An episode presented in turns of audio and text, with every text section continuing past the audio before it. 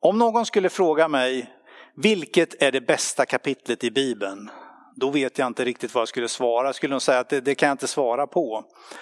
Men om personen inte ger sig utan verkligen vill ha ett svar av mig, då tror jag nog ändå till slut att jag skulle svara Romarbrevet 8. Jag tycker Romarbrevet 8 är ett fantastiskt kapitel. För det säger oss vad Jesus har gjort för dig och mig på korset och när han uppstod.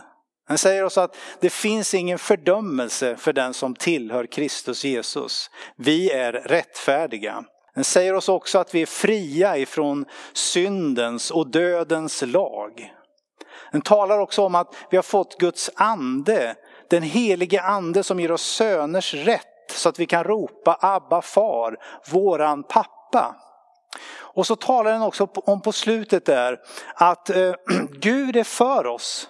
Vem kan då vara mot oss? Det finns ingenting som kan stå i vägen för Guds kärlek till oss. Och dessutom, mitt i detta kapitel så finns det ett avsnitt om hopp. Och det är det som jag ska predika om idag. Fyra versar, eller fem versar snarare, 24 till 28 talar om hoppet. Och jag skulle vilja lyfta fram tre saker här om detta hopp. Vad det innebär att Jesus har dött och uppstått för dig och mig som gör att vi kan leva i detta hopp. Och jag vill börja med vers 24 i Romarbrevet 8. Där står det så här. I hoppet är vi frälsta. Men ett hopp som man ser uppfyllt är inte längre något hopp. Vem hoppas på det han redan ser? För en tid sedan så mötte jag en man som jag visste hade fått cancer. Jag närmade mig honom och ja, frågade lite grann, du jag har hört att du har fått cancer, stämmer det? Jo, sa han, det stämmer. Då frågade jag, vad, vad säger läkarna? Vad, vad, vad tänker de? Ja, de har sagt att jag har två månader kvar att leva. Oj, sa jag. Hur, hur känner du inför det? Två månader? Ja, sa han, det är naturligtvis jättejobbigt. Men samtidigt tänker jag, hur skulle jag tagit emot det här beskedet om jag inte hade haft något hopp? Frälsning betyder räddning.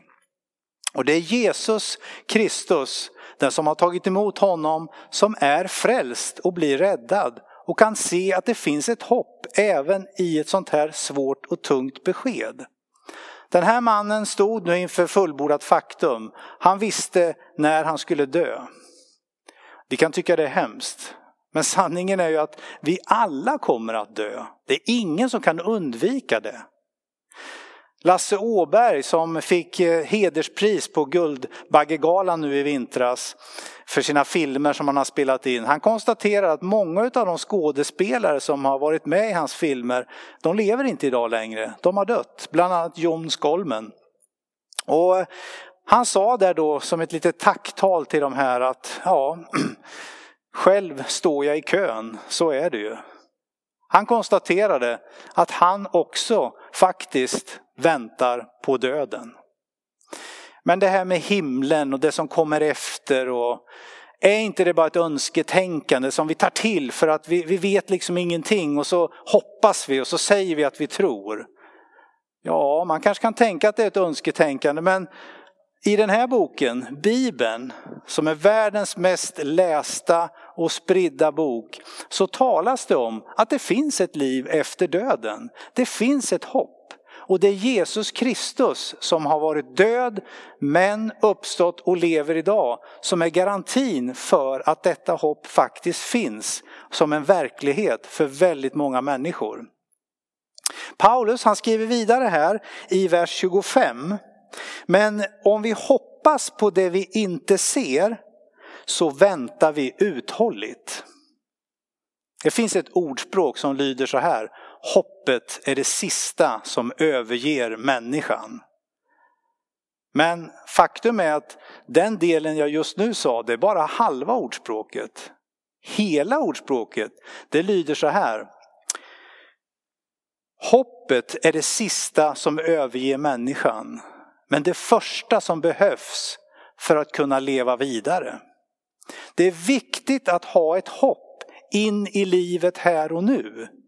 Om hoppet är borta, försvinner så blir livet här och nu på ett annat sätt. Vi säger ju ibland att det gäller att ta vara på livet eller att leva här och nu.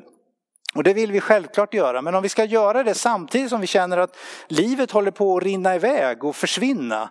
Det finns, jag vet inte, då blir man ganska stressad och pressad. Och det är precis här Paulus säger någonting annat. Den som har hoppet klart, han kan också vänta tålmodigt. Han vet att någonting bättre väntar. Därför kan man leva här och nu med en annat lugn inom sig. Så hoppet om eviga livet, frälsningen, skänker också någonting annat, en annan dimension in i livet här och nu. Det här är det första jag skulle vilja säga om hoppet. Det finns ett hopp att hoppas på efter döden. Men inte bara efter döden, utan faktiskt kan vi hoppas på Gud redan här och nu. Genom vad då? Jo, så här skriver Paulus. Så hjälper också anden oss i vår svaghet. Vi vet inte vad vi borde be om, men anden själv vädjar för oss med suckar utan ord.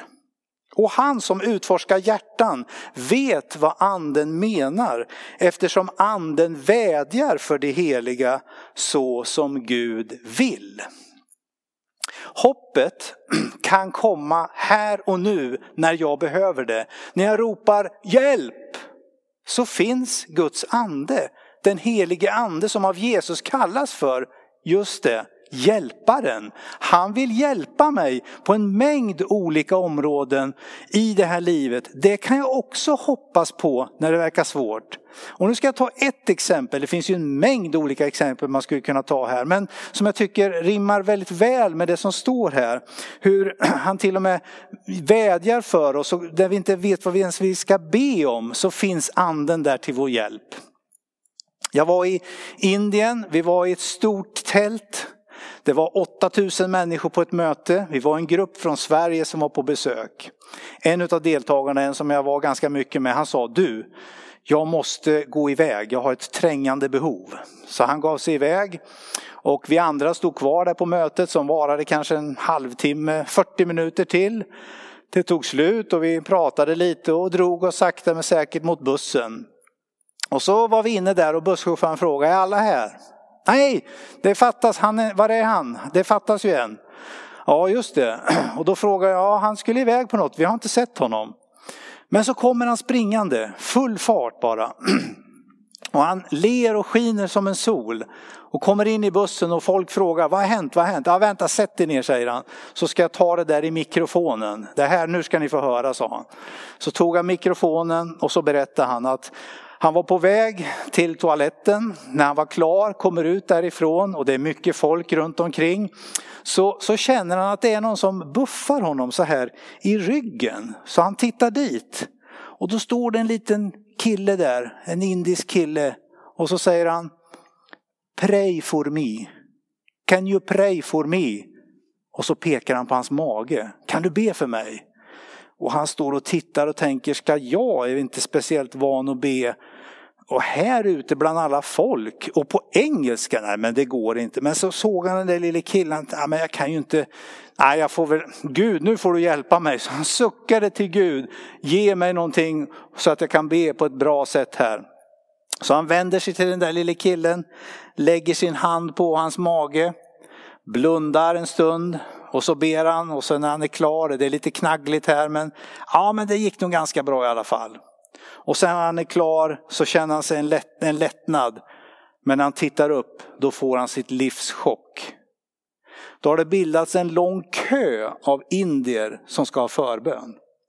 Så han fick hålla på och be för en, ungefär en timme där för människor. Men nu när han kom tillbaks till bussen så stod han där och var skinande glad. För hjälparen hade varit med honom. Han upplevde en kraft i anden, han kände sig salig och glad. Och det här tror jag är typiskt den helige ande. Vi kanske tror att om vi lever med ett hopp på Gud då kommer han beskydda oss och bevara oss, allting kommer gå bra och det, det är fint. Men så blir det inte. Vi kommer också bli utsatta för för saker och ting där vi måste ropa hjälp, hjälp mig Gud, jag klarar inte det här själv. Och då kommer han. Det fick lärjungarna vara med om, de hamnade i fängelse men de sjöng lovsång och då kom hjälparen där. och gav dem kraft och det blev fantastiska under de fick vara med genom detta också. Så hoppet är inte bara någonting som händer efter döden. Hoppet kan hända och ske redan här och nu i våra liv här. Och den sista punkten förtydligar det här kanske lite ännu mer som jag tycker i vers 28 där det står så här. Vi vet att allt samverkar till det bästa för de som älskar Gud som är kallade efter hans beslut. Det här är ju en alldeles fantastiskt underbar vers. Och jag vet att många tycker mycket om att läsa den. Men jag vet också att många tycker att det är en ganska svår vers. För man känner att det stämmer inte riktigt med mitt liv.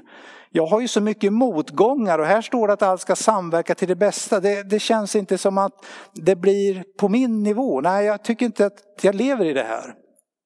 En sak som vi ska ha klart för oss, det är att bara tio versar tidigare talar Paulus om lidande.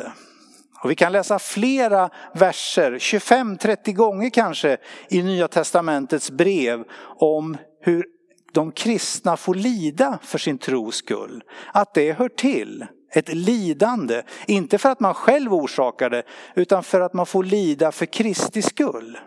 Och det är någonting som hör till. Och det kan ju pågå under en lång tid och när man lider så kan man undra, vad är det här? Ska det vara så här? Men faktum är att man kan tycka att lidandet kan vara meningslöst, det kan vara orättvist. Så är det ändå så att lidandet kan ha en lärande, en fostrande och en välsignande funktion. När jag har gått igenom en tid utav lidande, kommer igenom, så kan jag se att ja, men jag har faktiskt fått en helt annan syn på saker och ting. Jag har lärt mig någonting utav det här.